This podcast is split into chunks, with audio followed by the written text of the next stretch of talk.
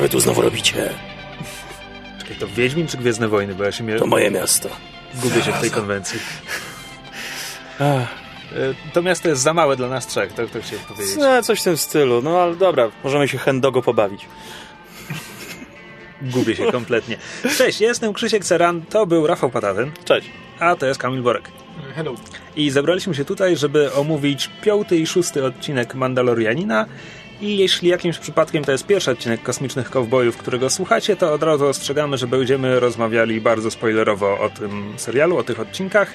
Tyle fabuły, ile tam jest, omówimy dogłębnie i doszczętnie i bez litości. E, I nie ma co czekać.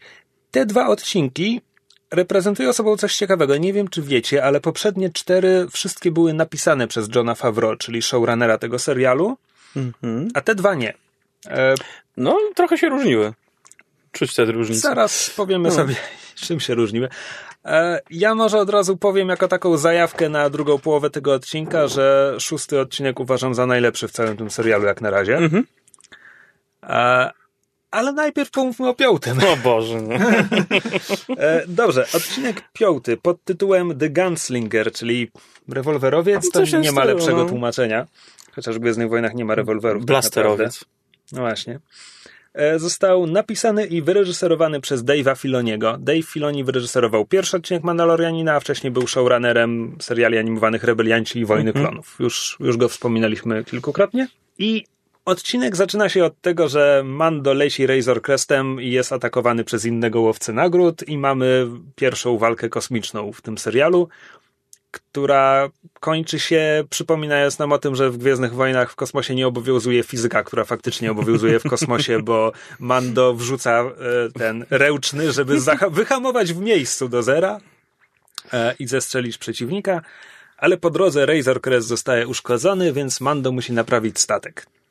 Więc wyszukuje sobie jakąś pobliską planetkę i kontaktuje się z wieżą kontroli lotów, i tu słyszymy, że dostaje pozwolenie na wylądowanie w kosmoporcie w Mos Eisley.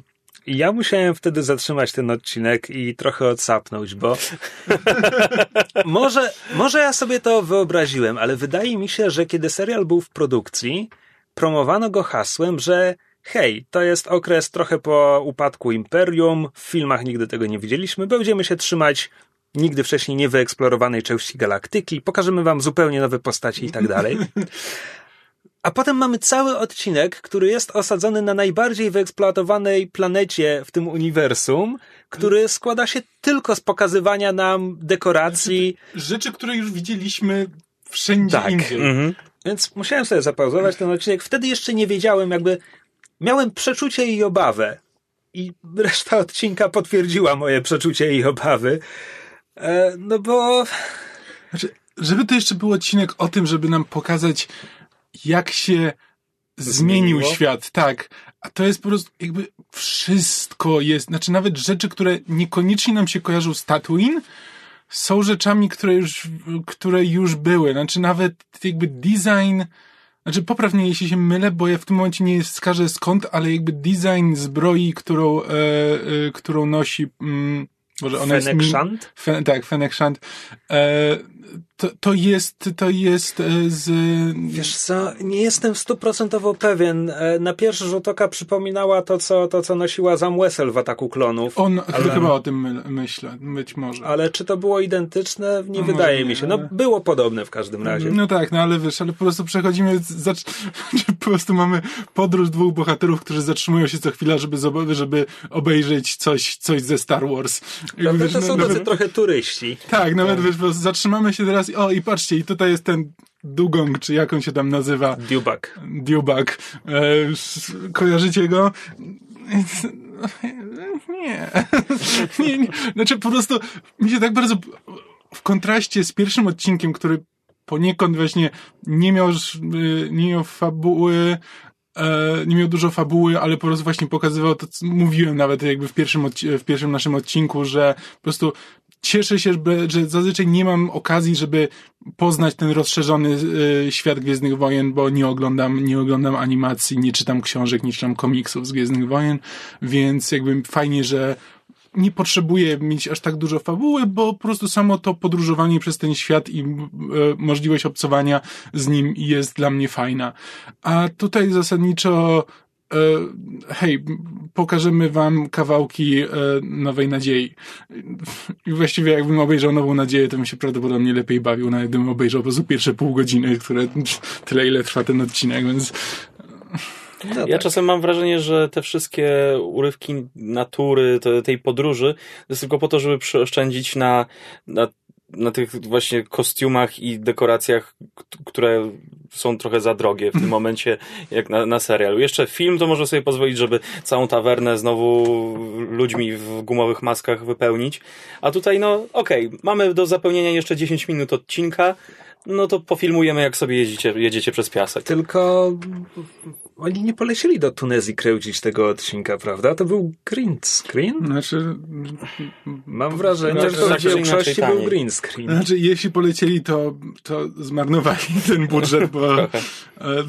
Żeby w ogóle E, sceny podróżowania e, Mando i tego młodzika, jakkolwiek on by się nie nazywał, przez pustynię, po prostu miałem wrażenie, jakbym oglądał starą animację, gdzie po prostu powtarzają te same, te samą animację po to, żeby zaoszczędzić trochę, bo po prostu, no, lecą sobie dwa spidery na tle w, e, chamsko wklejonej pustyni. No dobra, ale może, może odrobinę struktury nadajmy. tak. Znaczy tak, no Mando musi wylądować poharatanym statkiem, bo po walce z łowcą nagród musi naprawić Razor Cresta, zanim będzie mógł polecieć dalej, gdziekolwiek leci. Leci gdzieś, lecz nie wiadomo gdzie. Loaduje w kosmoporcie w Mos Eisley i tam na, na loadowisku czekają na niego najpierw droidy z Mrocznego Widma, bo fani je uwielbiają, a potem zarządzająca nimi pani mechanik, i szczerze mówiąc, biorąc pod uwagę, jak bardzo pełen odniesień jest ten odcinek, ja się spodziewałem, że w pewnym momencie się okaże, że ta pani mechanik to jest Kami, która jest postacią, którą wycięto z Nowej Nadziei, ale była tam przyjaciółką Luka Skywalkera. ale nie. E, ją gra Amy Sedaris, która jest bodajże komediantką. Ona podkłada głos w Bojaku pod tę różową kotkę mm. Princess Caroline, coś takiego. Ja oglądałem bardzo mało Bojaka. W każdym razie to jest ta aktorka. Jej postać nazywa się Peli Motto, nie jest to bardzo ważne. Ale w miarę sympatyczną jest postacią. Znaczy, to jest akurat jest taka jeden z najjaśniejszych, trochę, tak, ale no... najjaśniejszy punkt tego odcinka, mam wrażenie, że przynajmniej te, te... Naj, najprzyjemniej mi się oglądało sceny, w których ona brała udział. No, no, no coś w tym hmm. stylu właśnie. No, przynajmniej dialogi miała zabawne, a ta... No tak, no i ona, ona wiesz, ogląda Razor Cresta jak, ta, jak ten dealer w komisie i mówi, o panie, o panie. Kto pan tak zjebał? E, tak, ale mówi, że może to naprawić, tylko to będzie kosztowało. Mando nie ma w tym momencie pieniędzy, ale obiecuje, że zarobi i idzie szukać pracy. I w tym celu oczywiście wchodzi do kantyny w Mos Eisley, ponieważ to jest jedyne miejsce, gdzie może znaleźć mhm. pracę. Miałem nadzieję, że, że będzie jakaś fajna muzyczka z kantyny. Prawda? Nie, nie ma tam już figurina Dana grającego. Ten gatunek muzyki w Gwiezdnych Wojnach nazywa się jazz. Pisze się tak, jak myślisz. A... Więc jeśli chodzi o rozwój, jeśli chodzi o rozwój świata, to wiesz, tam w Nowej Nadziei tam nie wpuszczano droidów, a teraz droid stoi za barem. Czasy się zmieniły, człowieku. Mm, widzisz. Zresztą ten droid za barem, on mi przypominał droida, który torturował inne droidy w pałacu Jabby. Nie jestem pewien, czy to jest ten sam model, ale głowę miał taką samą. Nie, nie przypominam sobie. A no i e, droid mówi Mando, że tutaj nie ma pracy, ale głos z kołcika, ze stolika w zaciemnionym kołcie mówi i tu się mylisz, metalowa puszko, e, bo oto mamy Chciałem powiedzieć, Han Solo. Właśnie, tak. chciałem powiedzieć Dasha Rendara. To jest po prostu kolejna postać jak Han Solo, tylko mm że. No więc to jest jak Han Solo, tylko że jest młody i i bardzo po nim widać, jak jest narwany, jak bardzo udaje twardszego niż jest. Nie słowcą nagród, a nie pilotem. Hmm. A, I to jest, aktor nazywa się bodajże Jake, Jake Canavale, którego nie znam znikąd. Jego postać nazywa się Toro Kalikan. Bardzo hmm. dobre gwiezdnowojenne imię, doceniam. E, I Toro mówi Mando, że no on ma tutaj zlecenie, on ma tutaj zlecenie na Fennec Shand. I Mando nam mówi, że słyszał o niej, pracowała dla najgroźniejszych syndykatów, jest zabójcza i w ogóle to powodzenia młody. No i kiedy Mando zaczyna odchodzić, Toro porzuca trochę swoją pozę twardziela i, i przyznaje, że on tak naprawdę nie jest jeszcze licencjonowanym łowcą nagród, on chce dołączyć do gildii, no i jeśli złapie Fenek, to, to będzie miał to zapewnione i zależy mu na tym, więc pieniądze za, za to zlecenie odda Mando, jeśli Mando mu pomoże. Na co Mando się zgadza. I tak zaczyna się spółka, partnerstwo, które, które będzie się rozwijać przez, przez większość tego odcinka. I to jest relacja, która z niej mogłoby być coś ciekawego. Podoba mi się typ postaci, jaką jest Toro. On mi się jakoś bardzo kojarzy z tradycyjnym amerykańskim kinem. Taki młody, narwany, który chce udowodnić światu, czego to on nie potrafi. Mam wrażenie, że widziałem tę postać w takich klasycznych filmach. Nie mhm. potrafię teraz wskazać dokładnie o co mi chodzi, o czym myślę. Ale on, on ma w sobie taki klimat lat 60. Ameryki. No właśnie. Tak. tak, że to jest trochę. To, to jest postać. W innej epoce by go James Dean grał. Właśnie czekałem. No, co, tak, tak. Coś, coś takiego. Po drodze mamy przebitkę na panią mechanik, która odkrywa e, małe jodo na, na statku i zaczyna się nim opiekować, e, złożecąc na Mando, jak to tak można dziecko w komórce na miotły zamykać i, i opuszczać statek. A... Czy, czy jodziątko mocą otworzyło sobie to, to też? Co? Bo nie jest... Metody jodziątka są tajemnicze i mm. nieznane. Jodziątko działa w nieprzewidywalny sposób. Niezbadane są wyroki Jodziołka? To, to brzmi groźnie. E, no więc Mando wraca na statek i tam odkrywa właśnie brak, brak Jodziołka, odkrywa, że mechanik odkryła Jodziołtko e, i zostaje przez nią połajany, że nie ma pojęcia jak się zajmować dzieckiem. I co zasadniczo? No, no i ona mu proponuje, że ona się tym dzieckiem zajmie za dodatkową, opłatą. Za dodatkową opłatą, a Mando jest tu na rękę w tym momencie. Więc... Mhm. A i przechodzimy do następnej sceny, kiedy Mando już się szykuje do, do wyprawy. Toro tam jest z dwoma speederbike'ami. No i jest istotna dla późniejszej fabuły odcinka scena, gdy, gdy Toro dostrzega małe jodo i się mu dziwi. Mhm. Zasadniczo wszyscy się dziwią małemu jodo, kiedy je pierwszy raz widzą. I Mando i Toro ruszają sobie w, w step szeroki bo lecą po prostu przez pustynię. Bardzo mi się podobała muzyka, która temu towarzyszy, -hmm. bo tutaj znowu jest jakieś nowe brzmienie, którego dotąd nie, nie słyszeliśmy w tym serialu. Ale jeśli chodzi o to, co właściwie się dzieje, no lecą sobie i padają nazwy z Nowej Nadziei, bo to jest Dunesli i lecą gdzieś tam i tam potem ktoś jeszcze powie coś o Mosespie i w ogóle jest takie, no jesteśmy na Tatooine. Jesteśmy mm -hmm. na Tatooine. Owszem, patrz, to jest Tatooine. E, pierwszy przystanek, patrz, to jest Tatooine, następuje, kiedy Mando... Słuchaj, dla niektórych, dla ciebie może to jest oczywiste, ale niektórzy może mają satysfakcję, jak taki, taki drobny referenc rozpoznają, że a, to jest na Tatooine. Ja na początku nie pamiętałem, że Mos Eisley jest na... Pamiętałem, że, okay, że słyszałem tę nazwę kiedyś. W którym odcinka zorientowałeś się, że są na Tatooine? Yy, Raiderzy, jak rozmawiali... Tak? Kantyna jeszcze nie? Kantyna jeszcze nie. Okej. Okay. No dobra. No, no tak, no bo to jest pierwszy ważny przystanek na tej, znaczy, na tej trasie wycieczkowej. Dla mnie to jest jakby zrozumiałe, bo jakby oglądając pierwszy odcinek jakby zapomniałem, że, to, że ten serial nie jest na Tatooine, więc myślałem, że to jest Tatooine, więc jakby w drugą stronę wyobrażam sobie, że też to tak może działać. No jasne. A, bo Mando każe się zatrzymać, ponieważ jego intuicja jest taka mocna, to znaczy ja nie mam pojęcia skąd on wiedział, ale on wiedział, zatrzymują znaczy, się, wspinają ma, ma, ten, ma ten swój magiczny hełm, więc mógł usłyszeć po prostu Może. z daleka. Mm. Mm. No i, i każe się Toro rozejrzeć przez lornetkę i Toro w oddali dostrzega dwóch e, Tusken Raiderów przy, przy bancie, a potem w scenie, która jest po prostu wzięta z Nowej Nadziei, Toro odrywa lornetkę od oczu i odkrywa, że tuż przy nim stoi Tusken Raider, mm. ponieważ mało nawiązania, musimy po prostu zrobić tę samą scenę jeszcze raz. A no ale tutaj następuje nieco, nieco odmienny rozwój akcji, ponieważ Mando dogaduje się z Tusken Raiderami w języku migowym, co było ciekawą wstawką. Czy mamy z tego rozumieć, że Mando spełdził jakiś czas na Tatooine, czy może mamy z tego wynieść, że nie wiem, to jest migowy język handlowy popularny w całych zewnętrznych rubieżach? Znaczy nie wiem, tak w ogóle jak się z, z zachowania Mando mam takie wrażenie, że musiał już tutaj być, że jakby zbyt dobrze się orientuje w tym wszystkim, żeby, żeby to była dla niego nowość. Nie, nie wiemy od ilu lat był chłowcą, tak? No, hmm. mógł wiele razy bywać na wielu różnych planetach hmm. i spędzać długie okresy tu. Znaczy, mój, mój kontrargument byłby taki, że e, galaktyka jest absurdalnie ogromna, ale to jest kontrargument, który nie ma znaczenia w Gwiezdnych Wojnach, które zawsze sprowadzają się do tych samych dwóch rodzin i trzech planet. Hmm.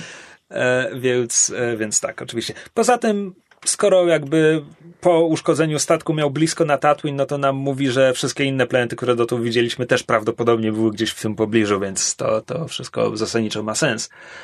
E, tak więc Mando jest w stanie dogadać się z Taskenami, e, każe Toro oddać sobie lornetkę i następnie przekazuje ją Taskenom, ponieważ to była cena za bezpieczny przejazd przez pustynię. I jest to pierwszy nieagresywny kontakt z Tusken Raiderami, jaki widzimy w aktorskich Gwiezdnych Wojnach, mm. więc okej, okay, tego jeszcze nie widzieliśmy. No tak. Masz, masz nie, jakieś to, nowości w końcu. To było, to było nawet fajne. Po czym lecą dalej i tutaj trafiają na Diubaka, który ciągnie za sobą martwego człowieka z nogą w strzemieniu. E, czy, czy Dubaki e, były już w oryginalnym wydaniu Gwiezdnych Wojen, czy, to, czy one były dodane w specjalnej edycji? Bo ja mam wrażenie, że właśnie, że one są tylko specjalne. W edycji specjalnej. zostały dodane e, takie na pierwszym planie, szturmowiec na Dubaku i tak dalej, ale w oryginalnych chyba po prostu jeden stoi w tle i rusza łbem, bo na tyle A, pozwalał budżet. Możliwe, tak. No to tak, tak tylko z ciekawości jakby pytałem, bo jakby kojarzę te Dubaki, ko tylko że właśnie kojarzą mi się z to taką jest to jedna, jedna z pierwszych rzeczy, którą zauważyłem jakby oglądając właśnie specjalną edycję na zasadzie hej, tego nie było i to jest tu wsadzone tak nachalnie, że e, po prostu na pierwszym planie i, e, i to jest ewidentnie komputerowe stworzenie. I... No, wstawki, które George Lucas wstawił do Nowej Nadziei odcinały się wyraźnie w momencie premiery edycji specjalnej i przez te 22 lata po prostu jest coraz gorzej pod mm -hmm. tym mhm. względem. Tak, więc Mando idzie sprawdzić, kim ten człowiek czy kosmita jest i w nagrodę za swoje wysiłki obrywa z blastera od ukrytego snajpera, a raczej snajperki, ale przyjmuje to na bezkar, wraca za wydmę, no i oczywiście okazuje się, że to jest pułapka. Możemy założyć, że Fennec Shand wie, że ktoś jest na jej tropie? No tak. To znaczy, no nieważne, logistyka tej pułapki jest dla mnie niezrozumiała, ale, ale może to jest ten jedyny kierunek, którym można było przylecieć. Nieważne. No, znowu mamy po raz kolejny po odcinku z ATST mamy pułapkę zastawioną na tej jedynej prostej drodze, która mm. łączy dwa, dwa cele. Nie to, że oni mieli całą pustynię dookoła Prawda? i nie jechali wzdłuż żadnej drogi konkretnej. Prawda? No dobrze, ale pułapka, pułapka działa. Mm. Ważne, że zadziałało. Ważne, ważne, że zadziałało. Mando y, ten chowa się za wydmą, no i mówi Toro, że muszą tutaj poczekać do zmierzchu, że wtedy ruszą dalej, no bo teraz są wystawieni. Znowu, czemu Fenek na nich czeka przez ten cały dzień i wciąż jest tam w nocy? No bo lepiej, mając przewagę, wykorzystać ją i spróbować wykończyć wroga, niż uciec i mieć świadomość, że jest cały czas na twoim ogonie. A, widzisz, bo to nas chyba... Czy ja dobrze kojarzę, że Toro w kantynie miał, miał foba? Yy, tak. Na fen, na czy miał, miał na pewno ten dysk, dysk, tak, foba. Nie wiem, czy miał pipczyk, ale... To, no ja mówię właśnie o, A, o lokatorze. O, pipczyku. Nie, nie, nie o to nie wiem, czy miał pipczyk, chyba nie. Bo, bo on rozwala rozwala coś, na czym miał informację, gdzie teraz jest Fenek. Mhm. E, po to, żeby Mando go, go nie zdradził, bo mówi, że wszystko zapamiętał jeśli założymy, że miał pipczyk, jeśli założymy, że te pipczyki działają tak jak pipczyki na Baby Yoda, czyli naprawdę jakimś cudem namierzają ci konkretnie na to, gdzie ta mm. biologiczna jednostka się znajduje, no to wtedy rozumiem, czemu Fenek nie uciekła, bo okej. Okay. Mhm. A jeśli Toro rozwalił pipczyk, a no toż Fenek nie ma szans, żeby to wiedzieć, więc to wciąż ma trochę sensu. Pipczyki nie mają dla mnie sensu, ale to jest osobna kwestia. Tak. Ale jak, jakby to nie tłumaczyć, no jeżeli ma przewagę nad wrogiem, no to pewnie jest przyjęte w zasadach, nie wiem, walki podjazdowej. No jeżeli... Kosmi masz... Kosmiczny Sun Tzu napisał, nigdy no, nie oddawaj przewagi. No, no słuchaj, ja, ja, na, ja na miejscu tego elitarnego zabójcy bym zrobił dokładnie tak samo. E, okay. mając kogoś w pułapce i trzymając go na muszce jako snajper, no to nie odejdę sobie, żeby potem ryzykować, że, że on mnie dogoni i w innej sytuacji złapie, gdy on będzie miał przewagę. Znaczy, Logiczne. Tak, ale też z drugiej strony właściwie Mandos e, mógł tam po prostu sobie siedzieć, on tam mógł się spokojnie przespać, są we dwóch, więc mogą cały czas wystawiać wartę, podczas gdy ona przez ten cały dzień musiała siedzieć e, wpatrzona w, e, w lornetkę i obserwować, czy nie wychodzą z zawydmy. Znaczy, dodajmy w ogóle, że ta pułapka ma sens tylko w świecie, w którym nie ma jednostek latających, mm. Bo no jeśli oni mogą ścigać Fenek, czemu Fenek zakłada, tak ci dwaj nie mają w tym momencie sprawnego statku, czy śmigacza atmosferycznego, czy czegokolwiek, czym mogliby ją podejść od góry. Tak, poza tym oni są za wydmą, więc oni spokojnie mogliby sobie pójść tak, żeby ona dookoła, ich nie zobaczyła prawda? i obejść dookoła, więc to jest takie wszystko trochę na ślinę no, klejone, no, ale no. Ma, ma, mamy powtórkę sytuacji za testem nadrowym. Mm. Jakby to znowu jest plan, który działa tylko jeśli w ogóle nie myślimy o tym, co się dzieje dookoła tego, co widzimy w kadrze. Mm. W każdym razie, zapada zmrok, oba słońca zaszły i teraz wielki plan Mando jest... Aha, mamy jeszcze tę scenę, gdzie Toro idzie go obudzić i najpierw przez pół minuty dobywa broń z kabury i się bawi jak ten... E, Travis Bickle w, w taksówkarzu. Do mnie gadasz, Mando. E, to mi się spodobało. Jakby, no w ogóle lubię tę postać. Chciałbym, żeby zrobili z nią coś ciekawszego niż ten odcinek. E, więc plan Mando jest taki, że obaj wylecą z zawydmy jednocześnie, polecą na wprost i będą na zmianę odpalać flary, które mają oślepić Fenek. Co też robią. Zasadniczo plan zostaje wykonany e, śmigacz Mando po drodze zostaje odstrzelony, bo, bo Toro jest jełopem i nie potrafi odpalić flary. Mhm. E, ale, ale Mando potem w ostatniej chwili, chociaż jest już uziemiony, odpala własną flarę, także Toro może tam wlecieć i, i zaatakować Fenek wre, wręcz. I dostać w pierdzie. I dostać w pierdzie. Teraz tak, Fenek Shant jest grana przez Ming Na Wen. Ming Na Wen jest znana ludziom z wielu różnych rzeczy. Dubbingowała Mulan w oryginalnym dialogu. Mulan e, grała w Ostrym Dyżurze, a grała teraz w Agentach Tarczy. od siedmiu lat męczy się w Agentach Tarczy, tak a. jak widownia. a, przepraszam, nie powinienem się nabijać serialu, którego nie oglądam od czterech lat, ale... Znaczy, to, ten serial ma górki i dołki, no ale nieważne. E... Nieważne. W każdym razie ona jest ona jest bardzo dobro, ona bardzo dobrze gra fizycznie, jeśli mogę tak powiedzieć. Znaczy, ona bardzo jest wiarygodna w scenach akcji. Ja nie mm. wiem, czy ona sama zna sztuki walki, czy po prostu jest na tyle wytrenowana w udawaniu, że je zna, że mm. wypada wiarygodnie.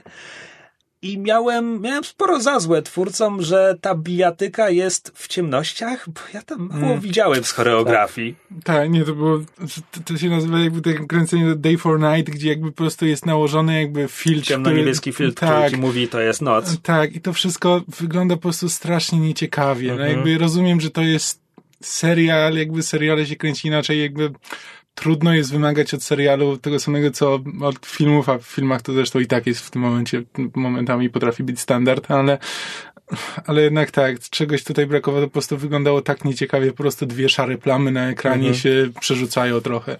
Tak, więc, hmm. więc mam, mam wrażenie, że Mignałem została zmarnowana, jeśli nie w odcinku, to przynajmniej w tej scenie. E, w każdym razie ona zaczyna podduszać Toro i Mando teraz interweniuje, i znowu logistyka. Mieliśmy powiedziane, że ona jest ukryta gdzieś na górze. Jego śmigacz został zniszczony w połowie tej drogi, trzech czwartych tej drogi. Nieważne, zdążył się tam wspiąć, już ją ma na muszce. No a jak Tusken Riderzy się nagle teleportują? może po, podłapał jakąś sztuczkę od nich. może. E, w każdym razie przerywa tę walkę. Mm, oni pełtają Fenek tam jakimiś kajdankami. A, a Fenek jest pod wrażeniem, że widzi przed sobą Mandalorianina i wspomina tutaj o, o akcji na Navarro, którą przeżyło niewielu z jego ludu. Cokolwiek to znaczy w tym momencie nie wiemy. Po czym Mando i Toro zaczynają się kłócić o to, kto będzie pilnował Fenek, no bo teraz mają tylko jeden śmigacz, więc żeby wszyscy mogli wrócić do Mos Eisley, to potrzebują znaleźć tego dłubaka, który na pewno stoi tam, gdzie przewodnik po Tatwin mówił, że można go zobaczyć. E, no i Toro oczywiście nie chce, nie chce iść na poszukiwanie zwierzaka, bo myśli, że Mando chce go wycyckać, więc Mando w końcu zgadza się, że pójdzie. I Toro zostaje e, z Fenkiem. I Fenek zaczyna go podjudzać. Znaczy nie teraz. Czekają większość nocy. Wstaje, wstaje świt i wtedy Fenek zaczyna go podjudzać. I to jest to jest fajne, że obie te postaci są inteligentne w tej rozmowie, mm. a serial to ukrywa. To znaczy, początkowo jest. Ja przynajmniej byłem przekonany, że Toro będzie tym naiwnym idiotą, którym no, to był przez cały odcinek. No bo tak jest, tak jest pisany trochę, mhm. jakby i to jakby tak. ewidentnie, specjalnie. Tak, no, no bo, no bo Fenek mówi mu, za, zaczyna od tego, że tam, że sama zbroja Mandalorianina jest warta więcej niż nagroda za jej głowę, ale Toro mówi mu, że jej, mówi jej, że nie zależy mu na pieniądzach, zależy mu na reputacji i tym, żeby dostać się do gildii. No i Fenek tutaj zmienia strategię, mówiąc, że są ploty na galaktyce, że na Navarro była akcja, w której zginęło wielu Mandalorian, ale jeden odszedł i to z jakimś ważnym celem. I że złamał zasady gildii i tak dalej, że jest zdrajcą. Co nam mówi po pierwsze, że Navarro to planeta z pierwszego i trzeciego odcinka, bo wcześniej ta nazwa nigdy nie padła mhm. i ty, tylko dlatego teraz moglibyśmy, mogliśmy być zaskoczeni, bo kiedy pierwszy raz Fenek o tym mówi, ja myślałem, że ona mówi o tej właśnie, o tej akcji, której nigdy nie mhm. widzieliśmy, przez którą teraz jest mało Mandalorian w galaktyce. Mhm. No właśnie. A tu chodzi o wydarzenia najnowsze. No i to już przekonuje Toro. To znaczy, skoro logi no, bo... logika Fenek jest taka, że skoro Mando jest zdrajcą gildii, no to złapanie Mando. No tak, bo jemu nie zależy na pieniądzach, więc tak, więc e, złapie, złapie, uda mu się złapać kogoś, kto znalazł za skórę gildii, więc będzie w stanie się e, wkręcić w łaski gildii. I zostanie legendą. Tak. Zresztą to jest kwestia, którą kiedy usłyszałem ją w zwiastunie, byłem przekonany, że to jest rozmowa Fenek z, z Mando, więc e, poczułem się oszukany. A, no i to, to jest ten moment, w którym, w którym Toro wykazuje się inteligencją, ponieważ zamiast rozkuć Fenek, e, zabija ją. Mm. No tak, jakby no, mówi, od, mówi od razu, że, że gdyby tylko zdjął jej kajdanki, to by zginął, co jakby absolutnie w to wierzę. E... E, tak, i odlatuje. A Mando, kiedy wraca z, na Dubaku, widzi ciało Fenek, więc od razu domyśla się, co tu zaszło i wraca do Mos Eisley. E, I szczerze mówiąc, trochę się zastanawiałem, że znowu tu logistyka nie styknie, -hmm. no bo tamten przecież wraca w parę godzin, a Mando będzie wracał cholera wie ile na tym, na tym zwierzaku, ale jest to wpisane w fabułę po prostu. Mm. Toro, Toro wręcz wyrzuca Mando, że kurde, długo ci zeszło. Mm -hmm. No bo kiedy Mando wraca do, do, do doku, w którym wyloadował Razor Crestem, tam Toro ma E, panią mechanik i Baby Yodę e, jako zakładników. I szczerze mówiąc, spodziewałem się tu jakiejś większej sceny akcji niż dostajemy. Czyli jak się, jak się rozwiązała ta scena? Zapomniałem. E, Toro, Toro wysyła mechanik, każąc jej skuć Mando. Mando ma ręce splecione mhm. za, za głową, no i, I pani mechanik i... widzi, że on mhm. ma w ręku jedną z tych rac, którymi oślepiali Fenek wcześniej. Więc Mando jest w stanie oślepić Toro i go zastrzelić. I tyle widzieliśmy Toro. Więc tak, Baby Yoda jest cały i zdrowy, pani mechanik dostaje te pieniądze, które które miał uzbierane już wcześniej. Właśnie nie wiem, czy to była zaliczka ale... za Fenek, czy o co, tu chodziło. Mi się wydaje, że on po prostu miał pieniądze, nawet nie tyle z, z pracy, tylko on, on mówi, że pieniądze go nie interesują, czyli po prostu miał, był bogaty no sam właśnie, z siebie. Czy, czy to nam mówi, że, że Toro Kalikan był jakimś chłopcem z dobrego domu, który po prostu chciał się zabawić? A to inteligencja.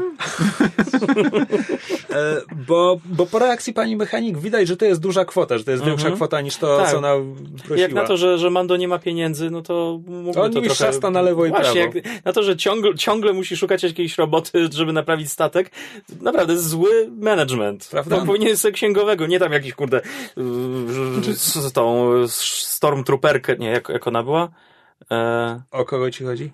Mm, ta, co z, za TST z nim walczyła. E... e Gina Carano. Ona Caradon. była shock trooperem. E, rebelianckim. No tak. tak. Nie, próbuje sobie, kurczę, jakichś ludzi tutaj rekrutować, a powinien porządnego po prostu księgowego. Znaczy, ja to trochę odczytałem tak, że to jest bardziej kwestia jakiegoś honoru, no bo to jest po prostu on zabił teraz tego chłopaka jakby może nie chce jakby kraść pieniędzy z trupa e, dla siebie, więc jakby można by to było, e, może nie to, że tak to odczytałem, ale jakby, że jest to jakaś tam interpretacja, no, no tak. że to nie, to nie jest po prostu ten sposób zdobywania pieniędzy, który go interesuje. Poza tym ja myślę, że tutaj wchodzą e, też kwestie związkowe, to znaczy myślę, że gildia gildia księgowych nie, nie pozwala swoim członkom pracować na rzecz kogoś, kto złamał zasady gildii łowców nagród. Bardzo możliwe. A zatem wiesz, gildia księgowych to, to są dopiero skurwiele pewnie niebezpieczni. E, no, więc odcinek kończy się tak jak kilka poprzednich. Mando wsiada z Baby Yodą na pokład statku i odlatują, a Dave Filoni wrzuca nam jeszcze jeden referenc, bo odcinek nie może się skończyć, bo, bo pani mechanik każe tym pit droidom zaciągnąć zwłoki Toro do kanionu żebraków, ponieważ koniecznie. Znaczy ja kojarzę ten nazwę, z kanionem żebraków. skąd. Luke Skywalker tam uczył się latać. To, okay. to jest tyle. Te, ta nazwa pada w Nowej Nadziei może raz. No, to nie jest aż ta, taki oczywisty referenc. No, to naprawdę niewielki no, procent nie, ludzi nie, kojarzy te wszystkie nazwy. Nie, no. nie są oczywiste, tylko że to jest po prostu taki bardzo fanserwisowy odcinek. Na zasadzie znaczy, to jest dla tych, którzy Dostaliśmy właśnie... serial o Mandalorianinie. On cały jest fanserwisem. To znaczy, to, to jest kwestia, jakby, jeśli obejrzałeś tylko Nową Nadzieję i nie widziałeś jej od paru lat, pewnie, pewnie nie kojarzysz Kanionu Żebraków, Dune Sea, pewnie nawet Mos Eisley możesz nie kojarzyć. Jeśli siedziałeś w Gwiezdnych Wojnach, w Kanionie Żebraków już takie akcje odchodziły. Ja rozumiem, po prostu, no, to to nie, ten serial nie zakłada, że oglądają go tylko fani Gwiezdnych no, Wojen. Pewnie, on, pewnie on, on naprawdę ma mieć szer, szerszą publikę i to, że jakiś procent fanów, którzy znają wszystko na, na, na, na wyrywki przewróci parę razy oczami, och Jezu, al, al, ale oczywiste. No to ich nie, raczej nie, nie, nie chodzi, przejmuje. Ale to nie chodzi o to, że to jest jakby oczywiste, że jakby, że to są oczywiste nawiązania, no bo, bo nie są, jakby to są nawiązania dla tych, którzy jakby musieli jakkolwiek obcować, jakby jest, to są nawiązania, które ja głównie kojarzę z karcianki, a nawet bardziej niż, e, niż z, niż samych filmów, tylko że po prostu ten odcinek niewiele więcej oferuje i jakby jest takim oczywistym, jakby wiesz, że przystanek Nowa Nadzieja. I teraz, e, że teraz się zatrzymamy i popatrzymy na rzeczy, które już, e, które już znamy, co jakby przy serialu, który ma 8 półgodzinnych odcinków, nie jest koniecznie czymś, na czym mi zależy. Mówię, no, dla mnie, czy to, pewnie, no, jest, jest grupa osób, które to będzie, e, którym to będzie pasowało, właśnie tego typu wyszukiwanie tych nawiązań. I też będzie niektórym będzie się podobało to, że już, już znają te nazwy i usłyszeli i potrafią tak. umiejscowić no to, to, to, jest, sobie wszystko. To jest jakby subiektywna, znaczy pod tym względem to jest subiektywna kwestia tego, że to nie jest to, czego, na, na, na co ja liczę po tym serialu.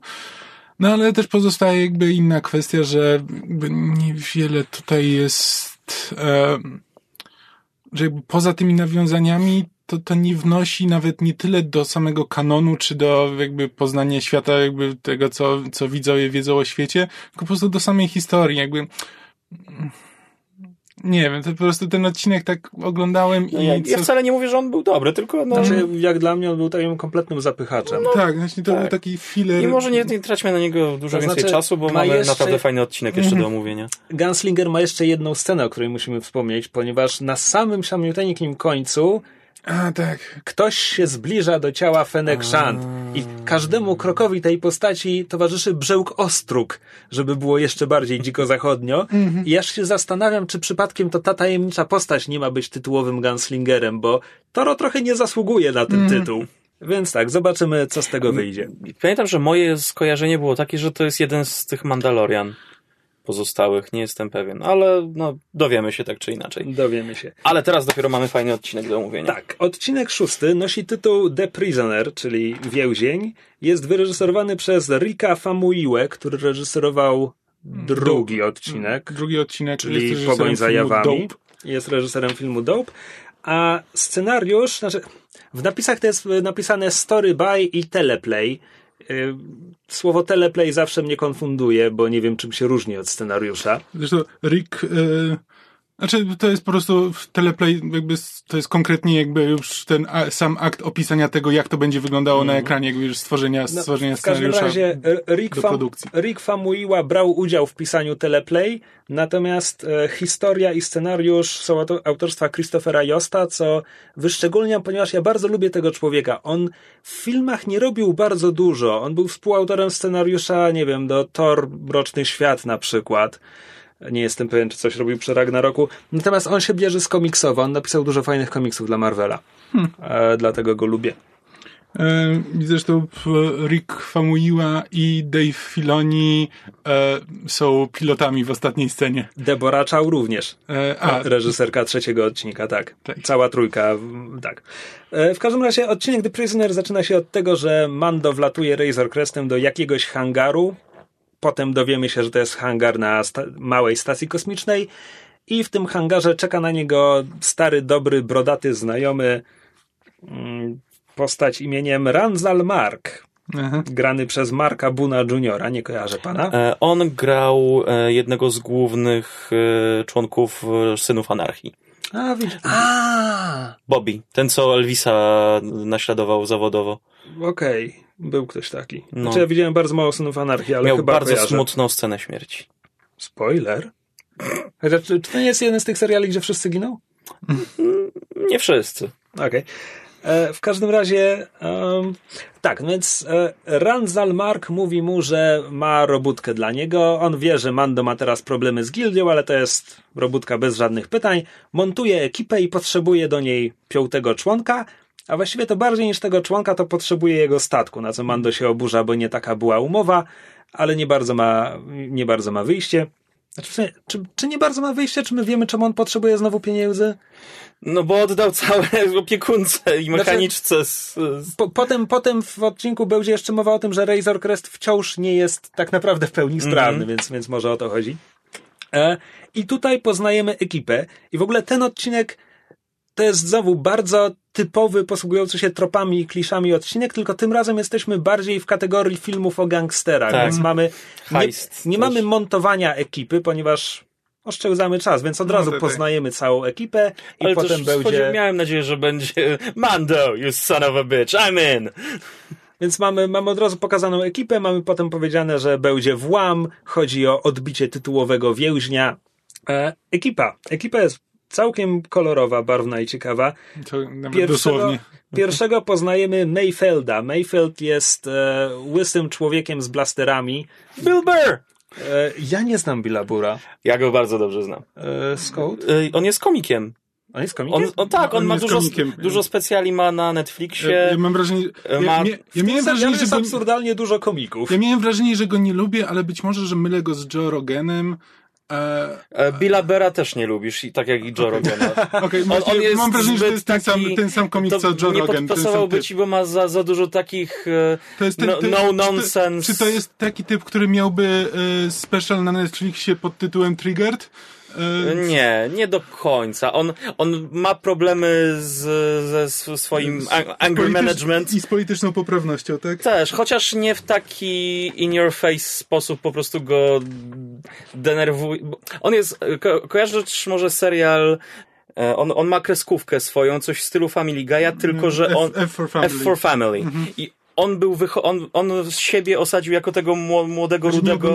Okej, okay, jest tam jeden, jeden taki dzieciak, który miał po prostu ojca, który darł się na wszystkich, mm. bo nie potrafił inaczej, bo stracił pracę w fabryce, czy tam na lotnisku i on był wychowywany przez ojca, który na porządku dziennym używał słów będziesz tak się zachowywał or I'll put you through that goddamn wall. Mhm. Tak? Mhm. I to on po prostu teraz chodzi do psychologa, walczy z efektami takiego wychowania, ale jednak w nim zostało coś takiego, że no w jego, jego, w jego słowniku są słowa oh fuck off you pussy. Tak? Mhm. Więc rozumiem czemu by ci jego humor nie, nie podpasowywał. E, IMDB mi powiedziała też, że Bill Burr grał w Breaking Bad? Tak, on grał jednego ze strażników y, tego Sola, tego prawnika. Pamiętasz taką scenę, nie, gdzie nie, okay, w, kon w kontenerze jest tak, taki metr sześcienny dolarów i oni tak we dwóch podchodzą i tak na, na siebie patrzą. Jeden taki y, afroamerykanin, bardzo gruby, wielki, obok niego właśnie rudy, biały koleś tak patrzą na te pieniądze. Chcesz to zrobić? Tak. I potem następne cięcie, ujęcie, jak oni leżą na tych pieniądzach sobie. Tacy zadowoleni. Okay. E, w ramach małego, małego e, no, nawiasem mówiąc, e, w poprzednim odcinku był głos kontrola lotów z Mos Eisley. Wspominam o nim tylko dlatego, że to był Steve Blum. E, trochę legenda voice actingu, to jest angielski głos e, Spike'a z Cowboy Bebopa, Wolverine A, z kilku okay. różnych animacji mm -hmm. i Zep z Rebeliantów. Który to był? A, ten, już wiem. No właśnie, Zeba trudno z kimś pomylić. Nie, usłyszałem Zep. A, przez P na końcu. Nie, to, to zupełnie inna postać, z innego serialu. E, tak, więc Mayfield e, znaczy tak, jeszcze wiemy, że Brodaty kiedyś e, latał na akcję z Mando, że oni się znają z czasów, mm. kiedy, kiedy Brodaty sam, no, sam był aktywnym przestępcą.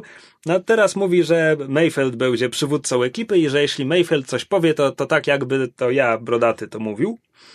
E, I na odchodne dowiadujemy się jeszcze, że Mayfield był strzelcem wyborowym, imperialnym strzelcem wyborowym, co Mando komentuje mówiąc, to nie znaczy wiele, na co tamten się oburza, zapewniając, że nie był szturmowcem. Mhm. Co to jest, to, to, to, nie, tak mnie połechtało, to było takie, no. E, drugiego poznajemy mięśniaka drużyny. Mięśniakiem drużyny jest... Czer... Znaczy, nie, tylko chciałem powiedzieć, że mimo tam mojej niechęci do Billa jakby ta postać jest fajna. Znaczy no, jest, tak. dobrze, jest dobrze napisana jakby ten... Mhm. E... I zagrana też. Tak. E, drugiego poznajemy mięśniaka. Mięśniakiem drużyny jest czerwony dewaronianin, to jest rasa imieniem Berg. I to jest Clancy Brown. Ja twarz mhm. poznałem. I muszę trochę powiedzieć, że to jest marnowanie Clancy'ego Browna na postać, która będzie głównie warczała. Mhm. e, ale okej. Okay. No bo, to jest, no bo to jest po prostu postać, która jest zbudowana jak safe pancerny i z podobnym IQ. Znaczy, to jest ale, jego rola. Ale następna postać wcale nie ma, nie, nie się nie różni. Też tylko szczerze zęby i jest uu, mordercza z ostrzem. Mylisz, i... myli, mylisz kolejność, bo kolejny zostaje pokazany droid, który okay. będzie pilotem, e, który jest też droickim supremacjonistą, bo on zaczyna od razu mówić, że mam, mam szybsze refleksy od organicznych i myślę, myślę lepiej i w ogóle. E, Grego z kolei tutaj Richard Ayoade. Kolejny komik. Kolejny komik. tak. jest, jest, strasznie fajny.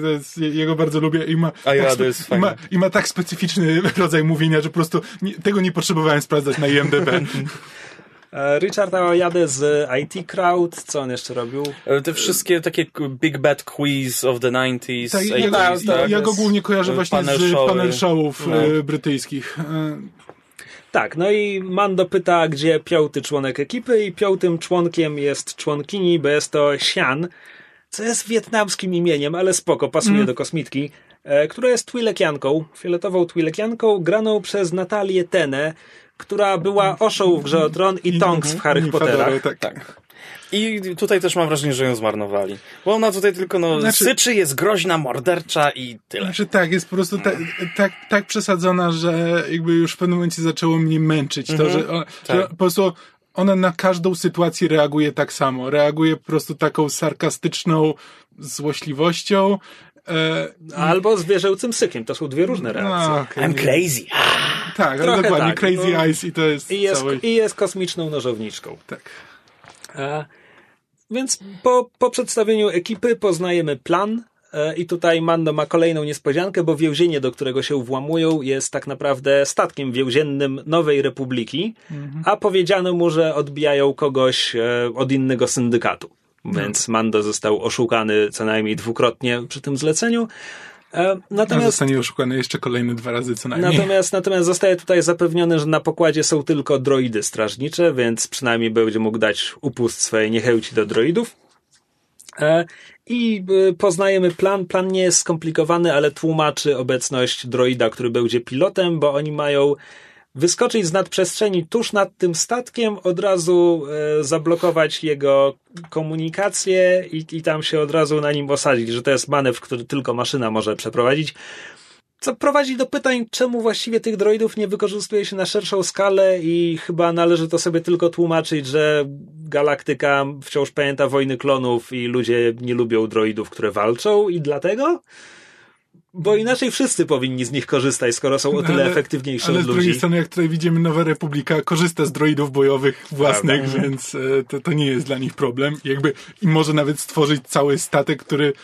Znaczy, on miał być obsadzony tylko i wyłącznie przez droidy. Mhm. E, więc e, to jest na szerszą skalę, więc tak, e, no, nie zadawajmy pytań. Nie zadawajmy pytań, tak. E, no i Mando, Mando się nie cieszy, ale, ale przystaje na to wszystko i pakują się na pokład Razor Cresta i odlatują. I po drodze mamy, mamy fajnie pokazane, po pierwsze tam e, droid, on, on ma, on się nazywa Zero, Zero. więc Zero mhm. zapoznaje się tam ze, ze sterówką i trafia na kawałek wiadomości od Griffa Kargi do, do Mando, co zostawia sobie na później. A potem, kiedy pilotuje, to jest fajnie pokazane, że on jest wczepiony do tego gniazda dla astromechów, mm. więc te wajchy w kabinie same, same się, się ruszają, no. same, same się przestawiają. I lecą sobie w nadprzestrzeni i tutaj jest chyba moja najmniej ulubiona scena z tego odcinka, bo nasza banda stereotypów mi nie przeszkadzają bandy stereotypów, natomiast w momencie, kiedy jeszcze na dodatek zaczynają się zachowywać jak stereotypowi przestępcy. Dranie z liceum, mm. bo to jest tego typu zaczepianie tak. Mando na zasadzie hej Mando, pokaż twarz, hej Mando, pokaż. A, no, tak. Nie, było to najlepsze. Też miałem trochę skojarzenia z e, drugimi Aliensami, znaczy w sensie z Aliens. -hmm. Tak, e... tak. Natomiast tutaj dowiadujemy się, że e, Sian, Sian też była w tej ekipie, w której był Mando i Brodacz. E, Sian też ma przeszłość z, z Mando. Tam nawet znaczy, jest... Nie, to, to, już, to już oni w momencie, kiedy się spotykają, już tak. mają, już tak. E... No tak, natomiast tutaj jest to kontynuowane, kiedy ona tam podjudza na przykład Mayfelda, żeby zapytał go o akcję na gdzieś tam, mm-hmm. nazwa mi umknęła.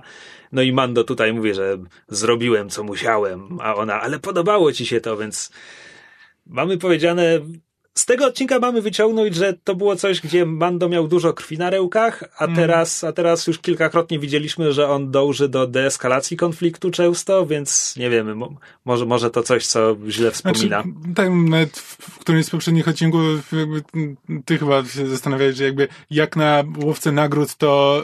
Yy, Miękki jest, nie? Tak, to jest miękki, więc może on po prostu zmiękł w ciągu ostatnich tam tak. paru lat, może coś się... Więc znaczy, tam było wspomniane, że on do tej bandy wcześniej przyłączył tylko po to, żeby ćwiczyć sobie strzelanie do celów, tak? Tak.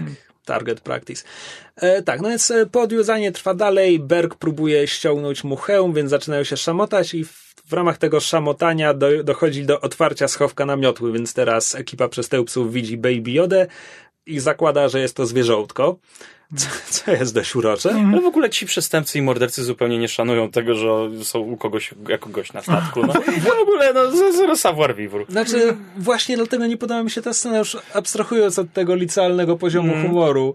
Jakby dowcip po tym, że hej, może pod tym hełmem jesteś ganganinem. Ej, mi się ten dowcip bardzo podobał. To znaczy, uratowało go dla mnie to, kiedy, kiedy Bill Burr potem zaczyna mówić, dlatego Jusa nie chcesz, żebyśmy ci odkryli twarz. Nie, nie, to, dla mnie to był dobry dowcip. E... No tak. Nie, może po prostu było tego trochę za dużo na znaczy, tę jedną scenę. Znaczy, tak, to, to było... właśnie za, zabawa w właśnie bu, high school bullies i tak dalej, to było beznadziejne, ale warte tylko chociażby dla tego jednego znaczy, tekstu. To się po prostu zrobiło strasznie cringe'owe, że jakby -hmm. te, ten second hand embarrassment w pewnym momencie już po prostu przekracza dopuszczalny poziom dla mnie. Tak, w tej scenie jest jeszcze jedna istotna kwestia, gdzie e, jest mowa o tym znowu, że Mandalorianie mają opinię takich świetnych wojowników, no i tam z tego, co mówi Sian, też wynika, że, że Mando był morderczy na tych, na tych misjach i ktoś do niego mówi, może właśnie Mayfield, że sko skoro wy Mando, Mandalorianie jesteście tacy dobrzy, to, to czemu wszyscy poginęliście? Mm.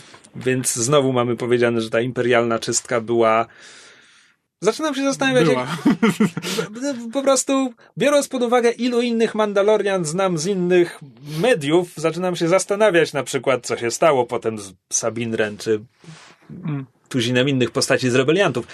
Mniejsza o to.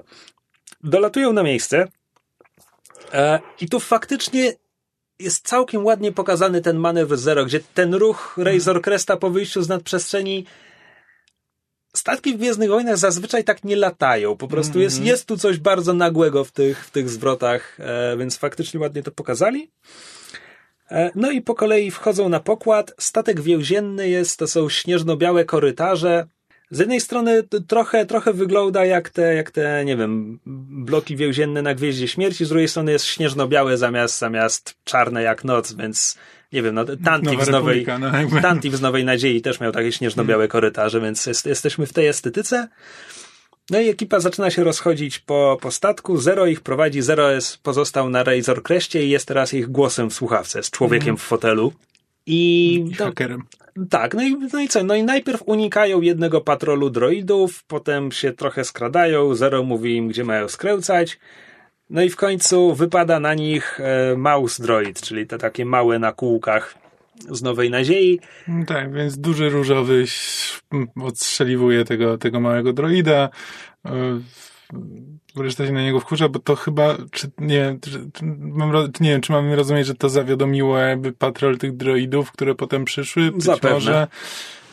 Ale czy to, że zastrzelił, czy to, że ich zobaczył, ten droid? No bo już wtedy mógł nadać transmisję. Znaczy, e, raczej to, że zniszczył droida, ponieważ potem będą padały strzały, a mimo to potem będziemy widzieć droidy, które wciąż patrolują swoją trasą normalnie. Mhm. Więc, więc chyba chodzi o zniszczenie tej jednostki, że tam dlatego no, potem idą droidy. Okay.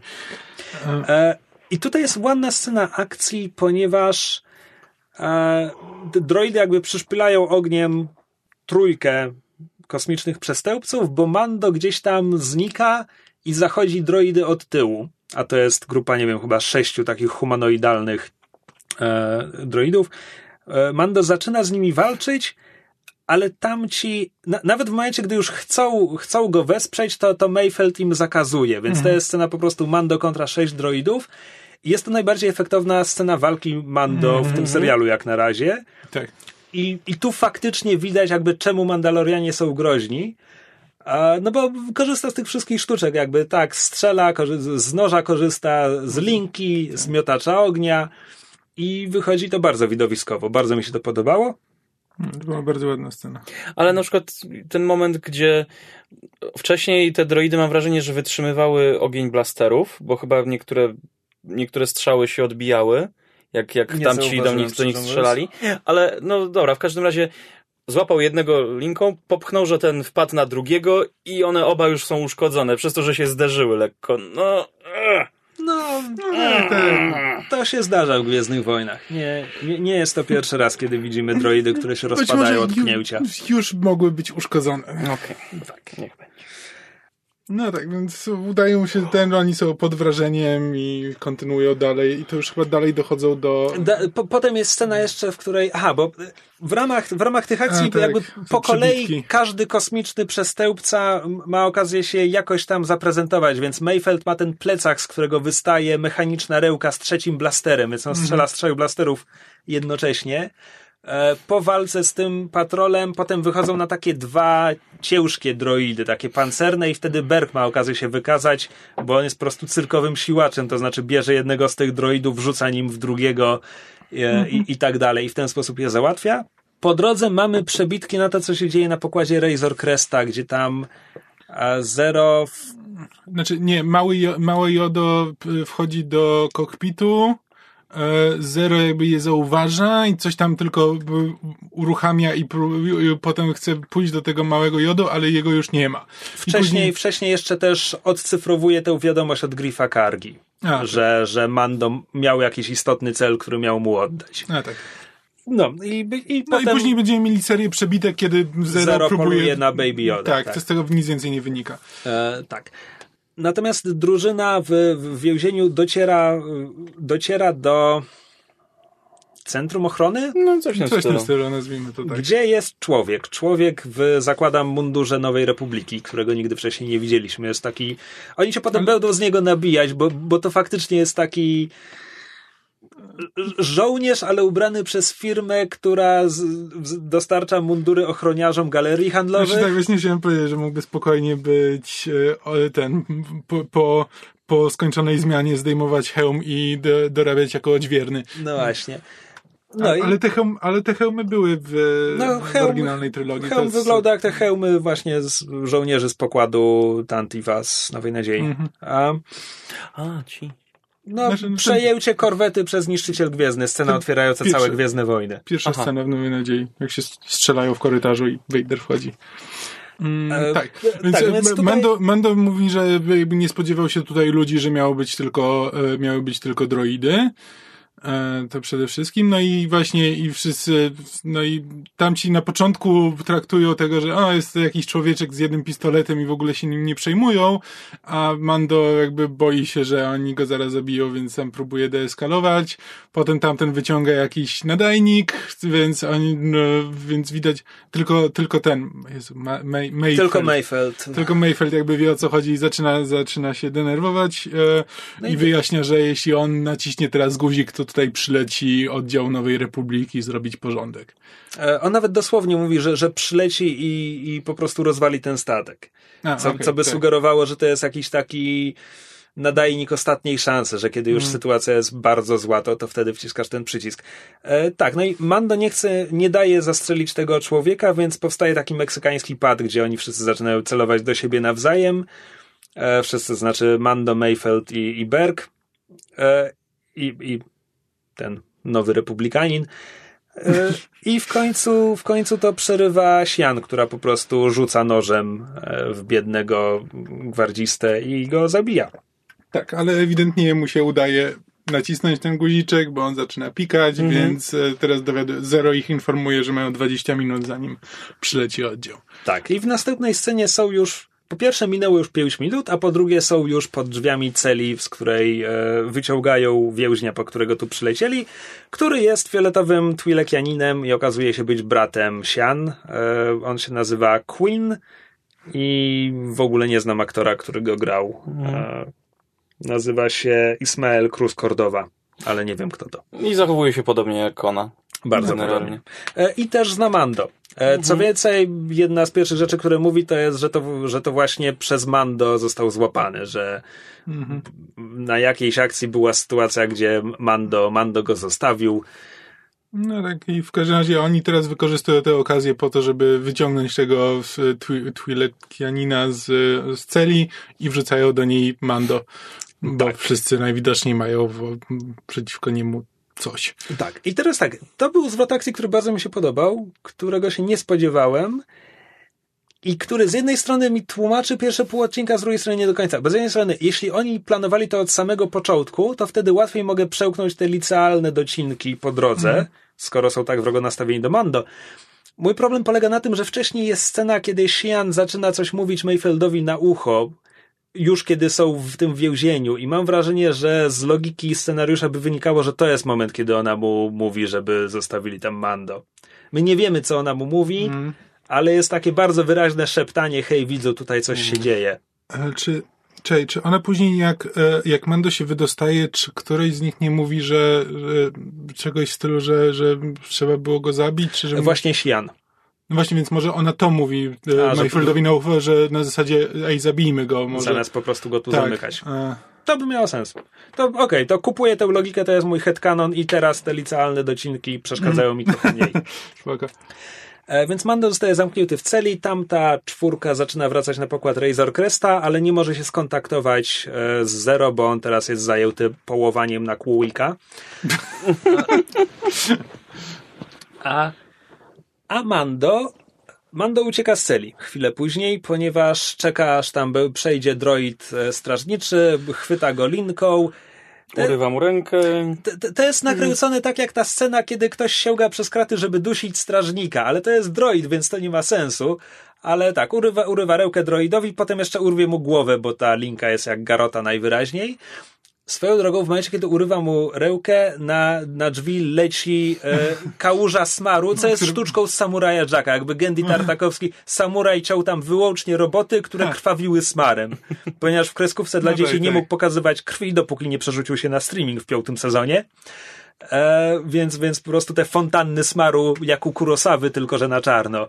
To, to jest stout moim zdaniem. Mi się, mi się kojarzyły z Mortal Kombat. okay.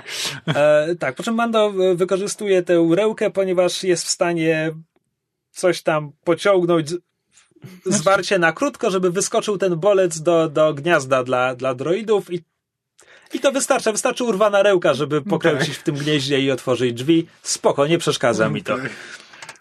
Nie, nie, wchodźmy w, tę w logikę tego. Nie wchodźmy w to. I teraz zmienia się sceneria. I ja nie rozumiem, szczerze mówiąc, czy to jest Jaka tu jest logika? Czy my mamy rozumieć, że Mando kontroluje systemy bezpieczeństwa no statku? Tak, bo to wszystko się zaczęło zmieniać. Potem Mando z celi poszedł do tego centrum dowodzenia, gdzie leży martwy człowiek. I, tam, i, i potem następna scena jest, że gasną światła i bo, Mando znaczy, zaczyna wszystko tak, tam kontrolować. Jest, tam jest scenka, kiedy chyba Zero jakby obserwuje, że właśnie widzi taki trójkącik, który no tak, ucieka z Mando. gdzieś tam. I potem tak. te monitory Zero się tak. wyszarzają. Ja zdążyłem zapomnieć, że Mando okay. był ponownie w centrum był ochrony. No. To, tak, no bo no, nagle... tam, go, tam go znajdują na, tam ostatecznie, tam, tam potem walczy z mm, dużym Racja, racja, racja. Oczywiście, pewnie. Pewnie. E, no tak, więc mm. światła gasną, uruchamiają się czerwone światła awaryjne, e, zaczynają się zamykać kolejne grodzie. W pewnym momencie czwórka kosmicznych przestępców zostaje rozdzielona na pół. No i mówią sobie, że tam znajdą własną drogę na, na pokład, a w ogóle to po drodze jeszcze zabiją Mando. I mamy po kolei kolejne starcia. Zaczyna się od tego, że Mando w e, centrum ochrony chowa się pod sufitem w wentylacji i wypada tam na, na Berga z zaskoczenia. A Berg okazuje się być terminatorem, znaczy nic go nie rusza. Mhm. Moment, w którym Mando odpala mu miotaczem płomieni w twarz i to mu nic nie robi, mhm. był bardzo dobry. Tak. No, no, Doceniam jakby, to. Znaczy, to, to. To dla mnie miało. Znaczy, on wygląda jak diabeł, no, więc jakby to po prostu e, tak. Znaczy, to, jak że... się nazywa jeszcze rasa? To, to są Dewaronianie e, i z, znowu pierwszego widzieliśmy w Nowej Nadziei w kantynie. Jest na ekranie przez trzy sekundy i to jest wszystko, co wiemy o tym gatunku. Wiemy już, że jest odporny na ogień. Właśnie nie, nie mam pojęcia, czy ktokolwiek wcześniej to mówił, ale... No, ale teraz już wiemy. Albo cały gatunek, albo tylko Berg się jak był mały, wpadł do kociołka z e, eliksirem. Tak. E, więc e, Mando oglądał powrót Jedi, więc ostatecznie załatwia go grodziami, które, tak. które go... No właśnie scena zostaje ucięta, więc mamy myśleć, że, że Berg w tym momencie ginie. Hmm. Właśnie byłem święcie przekonany, że no raczej zmiażdżenia drzwiami się nie przeżywa. Następna jest Sian. Nie tramwaj. E, następna jest Sian, którą Mando dopada w jakimś korytarzu. Ona się orientuje, że, że on za nią jest i pierwszym nożem go rozbraja, to znaczy wybija mu blaster z ręki i potem rzuca w niego, to są właśnie już bardziej to są, shurikeny. Tak, to są elektroniczne shurikeny. Znaczy, miałem takie wrażenie, że one są namierzające trochę, czy coś. Ale... Mini kunaje. Mi się wydawało, że to, że ona je włączała, to e, wibracje, ten, że, że to są wibroostrza trochę. Dlatego e, w, starciu, w starciu z Bergiem pragnę zauważyć, że Mando użył świszczących ptaków, tak. wróciły. I, tak. I nie trafiły przeciwnika. A, no, za małe pomieszczenie moim zdaniem mm. po prostu jakby, bo okay. one zanim zdążyły w ogóle zawrócić, mm -hmm. to trafiły w sufit, więc jakby... Okay. Czy widać, że ma więcej amunicji do no tego. właśnie. Mm. E, I tutaj byłem trochę rozczarowany, bo w zasadzie Mando załatwia ją bez żadnego, po prostu w końcu do niej dobiega i tyle. Mm. E, I znowu scena się urywa tak, że do końca nie widać tam. W osta ostatnie co robił, to przykładał jej nóż do gardła. I potem zabiera się za Mayfielda. I to jest już w ogóle scena z horroru, bo tam te światła zaczynają mrugać, więc po każdym mrugnięciu Mando jest coraz bliżej. I wy, wypada to bardzo ładnie. I znowu ta scena zostaje urwana tak szybko, że. Ja miałem nadzieję, że Bill Burr będzie miał scenę walki z Mandalorianinem. No właśnie, te, to jest odrobinę rozczarowujące, że, no. że, że, on go już załatwia bez walki. Już poszli w kierunku komicznego no, ale, rozwiązania tego. Nawet nie, no ale wiesz, no, to, jest... to, nie było dla mnie komiczne, jakby to naprawdę jest scena jak z horroru. Ale to jest, wiesz, to jest facet, który ma plecak z pistoletem, no jakby to, to nie jest równa, to nie byłaby równa walka z Mandalorianinem. No. Ale w momencie, gdy była mowa o tym, że jest strzelcem wyborowym, okay. to było Jednym takie... z najlepszych gunslingerów, no. No tak. E, w każdym razie następne co się dzieje to przenosimy się z powrotem na Razor Cresta, gdzie Zero w końcu dopada Baby Yoda i już ma odstrzelić królika, kiedy Baby Yoda zamyka oczy i zaczyna używać mocy i nagle droid eksploduje. Mhm. Ale eksploduje od tego, że Mando go zastrzelił od tyłu. Tak jest. I Mando odlatuje? Znaczy jeszcze pominięta jest scena z tym, że zabiera tego brata Och, oczywiście. Zapomniałem o nim kompletnie. No, no to tak, jest postać. To którą... jest postać do zapomnienia. Tak, bo spotykają się już przy drabinie prowadzącej do Razor Cresta i tam e, Queen go przekonuje, że hej, no pozostali. Ja nie miałem z tym nic wspólnego, miałeś zadanie, żeby mnie odbić, odbiłeś mnie, masz swój kodeks honorowy, masz wykonać zlecenie i tak dalej, więc wykonaj zlecenie. Jeszcze daję mu ręce do skucia. Więc kiedy Mando wraca na pokład mhm. E, stacji kosmicznej Brodacza, to właśnie schodzi, oddaje, oddaje mu Queena. przyjmuje zapłatę, brodacz pyta, gdzie pozostali, Mando mówi, żadnych pytań, taką masz politykę, odbiera zapłatę i odlatuje. I brodacz w tym momencie wydaje komendę zabić go, e, i tam w hangarze zaczyna jakiś ciężko uzbrojony myśliwiec szykować się do startu za, za Mando. No ale Queen w tym momencie się orientuje, że e, coś mu pika przy, przy pasku, ponieważ oczywiście Mando zostawił mu ten e, urządzenie naprowadzające.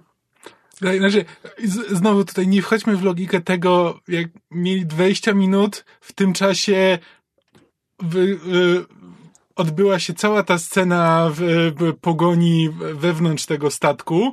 Mando złapał Queena, dostał się na statek, przeleciał na, przeleciał ale na tamten to jest, statek. Ale to jest 20 minut do przybycia tego oddziału e, na pozycji statku więziennego, więc kiedy Mando skoczył w nadprzestrzeń... Zanim lecieli.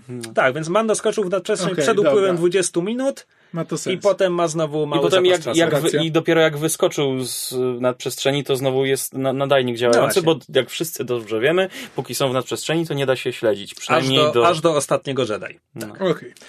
Tak, e, i w tym momencie Mando odlatuje od stacji kosmicznej, a z nadprzestrzeni wyskakują trzy X-Wingi i to jest fanserwis, który na mnie działa. W momencie, kiedy w serialu nagle dostaję X-Wingi, których się nie spodziewałem, okej, okay, cieszę się. Ale znaczy, no tak, no, ale to, tutaj, to, to, ma sens. No. To ma sens. Tutaj mamy właśnie mamy przebitki na pilotów Nowej Republiki i to są Dave Filoni, Deborah Chow i Rick Famuyiwa którzy mają, oni w napisach mają wymienione jakieś kosmiczne imiona, które chyba nawet nie padają w tej, w tej hmm. scenie. Dave Filoni, jego postać nazywa się Trapper Wolf. Pozostałych dwóch nie pamiętam. E, Filoni bardzo lubi wilki. To w ostatnim sezonie Rebeliantów jest bardzo wyraźne. A, to jest jeszcze jedno dziwne imię, ale zaraz spróbuję je znaleźć. E, w każdym razie bardzo doceniam tę scenę, ponieważ ona ładnie nam pokazuje. My zawsze widzieliśmy X-Wingi w kontekście bitew kosmicznych, to znaczy e, statki bojowe kontra dużo potężniejsza flota statków bojowych imperialnych. Mhm. Natomiast w kontekście to są łowcy nagród i przestępcy. Oni mają jeden stateczek, który ma jakieś uzbrojenie. Jakby trzy X-Wingi to jest potęga dla nich. Mhm. E, więc, więc bardzo to doceniam. Ta, ta brak równowagi sił w tej scenie mm-hmm. mi się bardzo podobał. Właśnie, yy, postać Rika Famuyiły nazywa się Jeep Dodger. Ej, a Deborah Chow? Sash Keter. Okay. Nie tak śmiesznie, ale... Nie tak śmiesznie. E... Ja wiedziałem, że to nie są zwykli aktorzy. Nie, nie rozpoznałem, że, że to, były, to były cameo, ale widać było, że to nie są żołnierze. Znaczy, znaczy ja przez moment, przez moment myślałem, że Dave Filoni to jest Ryan Johnson. E, ale... Widzę to. Tak. Ryan Johnson zresztą przewinął się chyba w Rogue One. On, mam wrażenie, że on i Gareth Edwards to był reżyser Rogue One. Tak.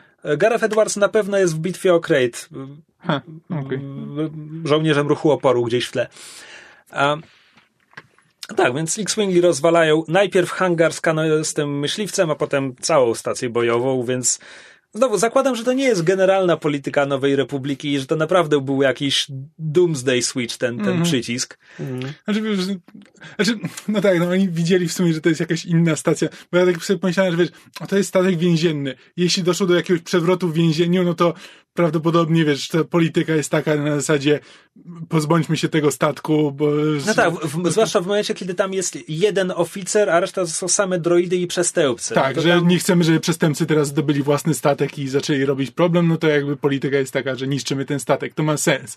No ale oni wylatują i widzą, że to nie jest ten statek więzienny, ale, ale, więc po prostu... ale, ale jest stacja, która bojo, bojowego, bojowego myśliwca chce właśnie wystartować. Tak, i zasadniczo w momencie, kiedy niszczą hangar z myśliwcem, myśliwcem to był ten moment, kiedy myślałem, że już każą się poddać reszcie, mm. zamiast po prostu ją rozwalić, ale mniejsza o to. Nie przeszkadza mi to bardzo. Mm.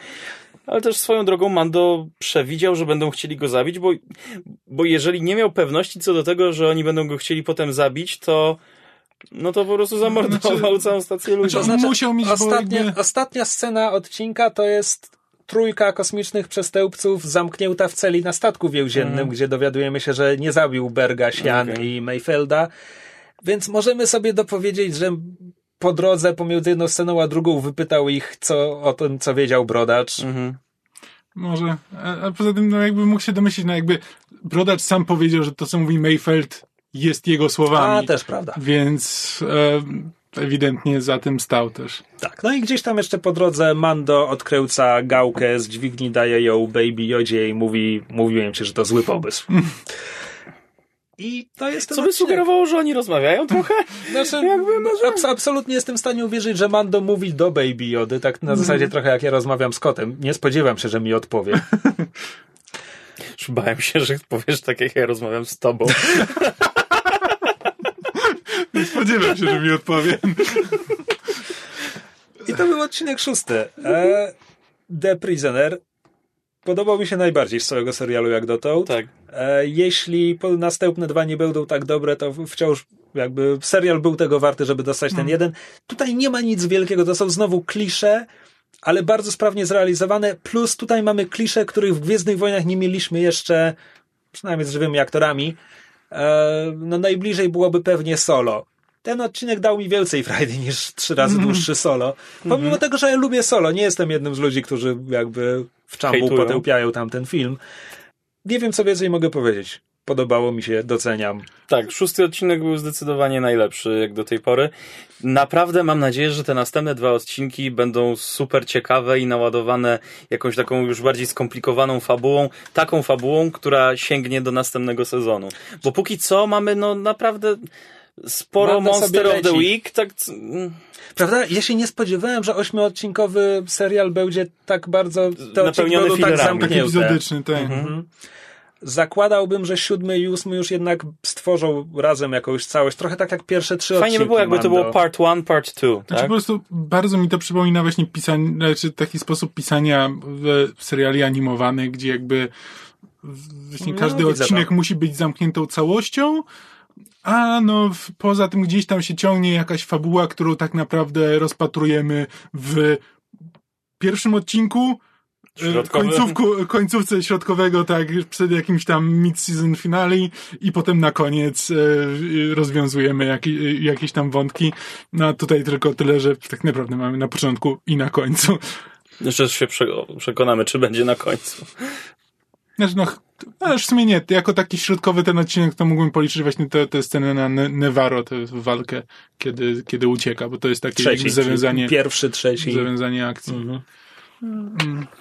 No mamy ten foreshadowing, tak? Mamy tego kolesia z ostrogami. Albo koleśkę. Albo koleśkę. Znaczy ja właśnie też przez moment myślałem, że kiedy jakby Mando stamtąd odlatuje i oni tam tak patrzą na niego i on mówi, że teraz e, e, ja myślę, że to oni wprowadzają taki na zasadzie, że te wszystkie postaci, które się przewijały, ci wszyscy, wszyscy ludzie, których Mando po drodze wkurzył, po prostu wrócą na koniec. Mm -hmm. Będzie po prostu takie jedno wielkie Battle Royale z mnóstwem frakcji, które gonią Mando z jakiegoś powodu. Byłbym z tego zadowolony. Tak.